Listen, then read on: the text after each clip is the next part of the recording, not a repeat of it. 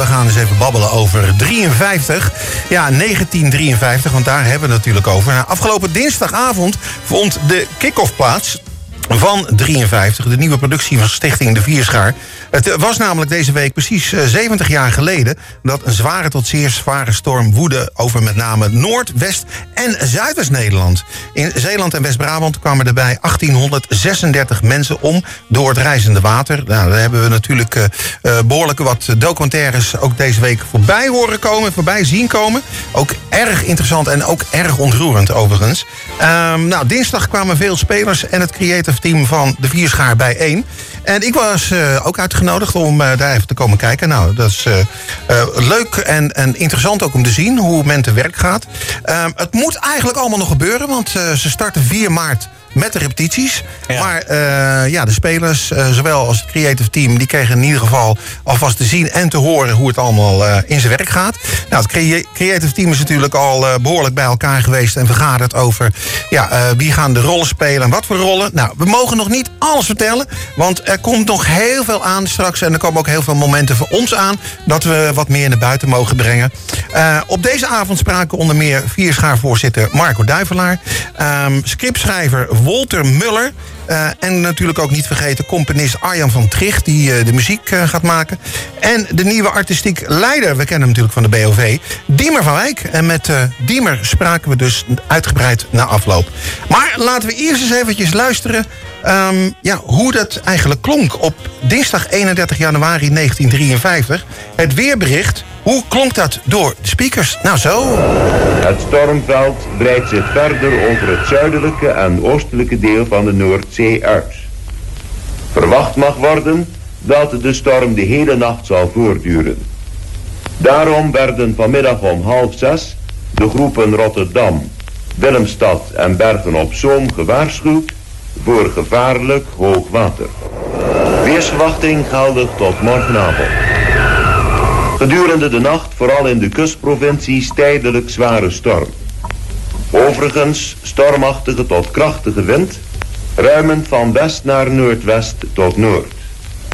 Guur weer, met wisselende bewolking en nu en dan regen, hagel of sneeuwbuien. Nou, we hebben net de kick-off meegemaakt van uh, 53, wat in uh, september zich gaat afspelen. Nou, vandaag, dinsdagavond, 31 januari, is precies 70 jaar geleden dat de storm zo'n beetje Nederland kwam binnen.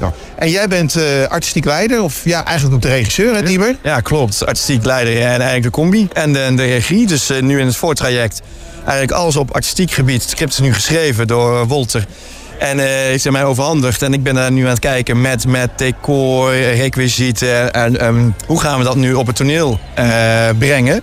En dan in maart beginnen de repetities. En dan kunnen we aan de slag met de regie ja. van het stuk. Nou ja, bij de rand van 53 denk ik meteen aan heel veel water wat ja. op je afkwam. En, en natuurlijk de storm niet te vergeten. Ja. Uh, maar het wordt geen sensatie gebeuren. Nee, ik heb het vandaag ook tijdens de kick-off verteld. Uh, sommige mensen zeiden een openluchtspektakel en een waterspektakel. En toen zei ik al gelijk tegen de mensen die dat zeiden... nee, dat gaan we absoluut niet doen. Wij gaan door middel van een raamvertelling... gaan we juist die persoonlijke verhalen vertellen van de mensen die die, die die ramp, die verschrikkelijke natuurramp hebben meegemaakt. Of die familieleden eh, daarvan hebben die die tijd hebben meegemaakt. Maar we gaan eh, juist ehm, de mens eh, centraal stellen. Eigenlijk versus uh, de natuur versus het water. Maar we volgen diverse personages. Ja. Maar je vertelde wel dat er wel iets van die overstroming te zien gaan krijgen. Hè? Hoe gaat dat een beetje in zijn werk? ja, proberen zoveel mogelijk bij de realiteit te blijven. Voor de pauze is eigenlijk wat eraan vooraf uh, gaat. Dus voor de nacht. Uh, de pauze is eigenlijk de ramp uh, op zich. En na de pauze is wat gebeurt er allemaal? Wat, hoe gaan de reddingswerkers ermee om? Hoe gaan ja, de slachtoffers uh, die het meemaken, hoe gaan we ermee om? En qua uh, toneelbeeld gaan we een hele grote projectiewand krijgen we met, met de foto's van die tijd en met de videobeelden. Want in het verhaal komt ook dat er een vliegtuig overvliegt en dat er een journalist ook daadwerkelijk de eerste foto's heeft gemaakt. En die foto's en die videobeelden laten we ook gewoon zien. Dus dat reconstrueren we niet na, spelen we niet na, maar we proberen zeker het materiaal wat er is, proberen we uh, te laten zien. Zonder dat het een, een documentaire wordt. Ja. Dus we volgen echt een verhaallijn. Maar om de mensen mee te nemen naar het beeld van die tijd, dat laten we ook echt van die tijd zien. Ja. Nou, veel personages, veel karakters ook. Ja, ik heb ook begrepen dat er ook een, eh, een boevenkarakter tussen zit. En dat er zelfs meteorologen tussen zitten. Ja, precies. Ja, er zitten heel veel diverse eh, karakters in het verhaal. Om het eh, ook als, als een soort als een raamvertelling interessant te maken voor het eh, publiek. Dus Wolter heeft dat heel mooi gedaan door middel van heel veel eh, verhalen. die hij heeft gezien en, en heeft meegemaakt en heeft eh, gehoord van die mensen. Heeft hij bepaalde karaktertrekken en situaties heeft hij bij elkaar gebracht. Waardoor het ook een interessant verhaal wordt. Los van, van de ramp, maar ook wat maken de mensen nu in die tijd mee. En wie komen er bijvoorbeeld op een, op een dak van een huis samen? Ja. Nou, welke figuren zetten we dan, welke personages zetten, we- zetten we nu dan bij elkaar? En er zit bijvoorbeeld een slechterik in en twee meteorologen die de voorramp eigenlijk eh, zien in Schotland. En denken in de tijd van nu zouden we zo snel mogelijk weggaan van de plek waar dan een storm eh, komt. In die tijd was het niet en dan waren er wel twee meteorologen die het in de gaten hadden. Er gaat iets verschrikkelijk mis en er komt iets gevaarlijks op ons af. Dat ook eh, echt gebeurd is. Hè? Ja. Maar alleen die meteorologen zaten ver weg. Ja. Die zaten in de beeld en die zagen het allemaal aankomen. En ja, de, de lijnen waren toen nog niet zo eh, dik bezaaid. Dat, Maar even eh, een appje sturen of een sms, dat, was, dat is toch wel hoe kort geleden nog maar is. Is ook wel eh, die communicatiemiddelen in de jaren 50 eh, waren natuurlijk totaal anders. En dat, daar, dat laten we ook zien. Dus het maken van een, een amateuristische radio-ontvanger, dat, dat, ja, dat komt ook voorbij in 53. Ja. Nou, geen sensatie gebeuren. En ik heb ook begrepen dat eh, juist ook eh, wat Marco Duivelaar, hè, de voorzitter, eh, in het begin al vertelde. Dat het ook vooral om respect gaat. Hè? Ja. Ja, vooral heel veel respect naar de mensen eh, die eh, nu nog leven. Eh, familieleden die het hebben meegemaakt. En we willen gewoon op een hele. eh, ehm, um, ja, mooi, ja, het klinkt, mooi klinkt eigenlijk gek, maar op een hele mooie, eh, ehm, respectvolle manier. Eigenlijk willen we dat verhaal eh, vertellen. Ja, ja, ja, precies. Nou, muziek erbij. eh, eh, die, we hebben net al een heel klein stukje eh, gehoord van de muziek. Met zelfs een kinderliedje die erin voorkomt, hè? Ja, klopt. Ja. Numi. Ik ken niet wat in, de, in het verhaal terugkomt. Eh, en, ehm, en wat ook wel bijzonder is, dat het gewoon een eigen, een totaal eigen muzikale productie gaat worden. Ja.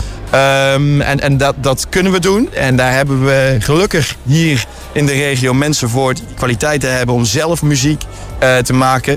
En niet dat zoveel, er staat zoveel hele mooie filmmuziek die zeker hiervoor perfect eh, Ja. geschikt zouden zijn. Maar we willen juist ook de, hier de, lo- ja, de lokale creativiteit en musicaliteit willen we gewoon ook eh, naar boven eh, brengen en laten zien. Dus met, met eigen composities. Ja, ja. Nou, veel spelers en ook in een, eh, in een dubbelcast, hè? Heel veel spelers. Ja, een dubbelkast spelen tien voorstellingen in september. Gedurende een periode van bijna een maand. Dus ja, het is toch best wel een grote productie. Eh, waardoor we zeiden van ja, maar we, we willen ook juist zoveel mogelijk mensen de kans geven. En eh, we willen ook dat elke avond een voorstelling gespeeld kan worden. Dus is iemand ziek, zwak of misselijk en, en kan er niet bij zijn dat die rol kan eh, opgevuld worden. En het is ook zo wat ik zei van nou, er zijn heel veel mensen die mee willen doen. En heel veel vanuit toneelverenigingen hier eh, uit de stad of omgeving die graag in deze productie hun, hun tekstrol willen spelen. Dus dan is het alleen maar mooi om ook met een dubbele bezetting zoveel mogelijk mensen een kans te geven. Ja. Om toch zo'n openluchtspel ehm daarin mee te doen. Ja. En wanneer gaan jullie beginnen met eh, repeteren? Beginnen begin maart met een eh, scriptlezing. Dan eh, ze krijgen nu allemaal een grote samenvatting van het verhaal. eh, krijgen ze mee naar huis. Dan ook echt het script lezen. Van de eerste letter tot de laatste letter. En dan beginnen we gelijk met de repetities. En dan uiteindelijk komt het ensemble erbij. En dan net na de zomervakantie op eh, de speellocatie. En dan eh, gaan we 53 eh, laten zien aan eh, mensen wat, die, wat de mensen uit die tijd eh, hebben meegemaakt. En aardig wat mensen ook per, eh, per voorstelling die eh het kunnen komen kijken. Ja, de Viesra heeft, heeft een rijke geschiedenis aan producties. En, en producties waar veel mensen op afkomen, waar veel mensen geïnteresseerd in zijn om naar zo'n productie te komen kijken. En dus we spelen, we hebben een aantal jaar geleden Super Zoom. Eh, eh, is er gespeeld en ongeveer diezelfde bezetting van duizend mensen, toeschouwers eh, per voorstelling. Dus zoveel, we willen het eigenlijk aan zoveel mogelijk mensen eh, laten zien. Ja, ja. Nou, ontzettend veel succes nu al. Eh, het moet toch allemaal beginnen natuurlijk voor jou en voor de spelers. En eh, ja, ik hoop dat het in september heel wat moois gaat worden. Dankjewel. Oké. Nou, we, we wensen natuurlijk iedereen succes bij eh, de voorbereidingen van eh, ja, deze toch wel eh, bijzondere, mooie productie, denk ik nu al. Ja, we moeten het natuurlijk allemaal nog gaan zien. Eh, in september gaat het dus allemaal plaatsvinden.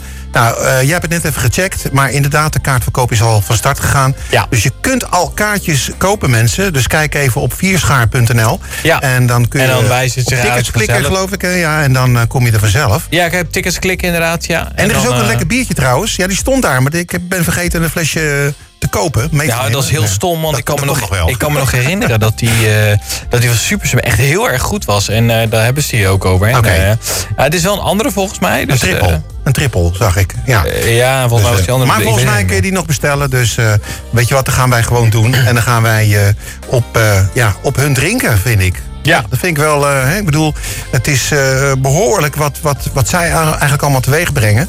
En, eh, en wat ze nog allemaal moeten gaan doen. Want je hoorde het net Diemer al zeggen.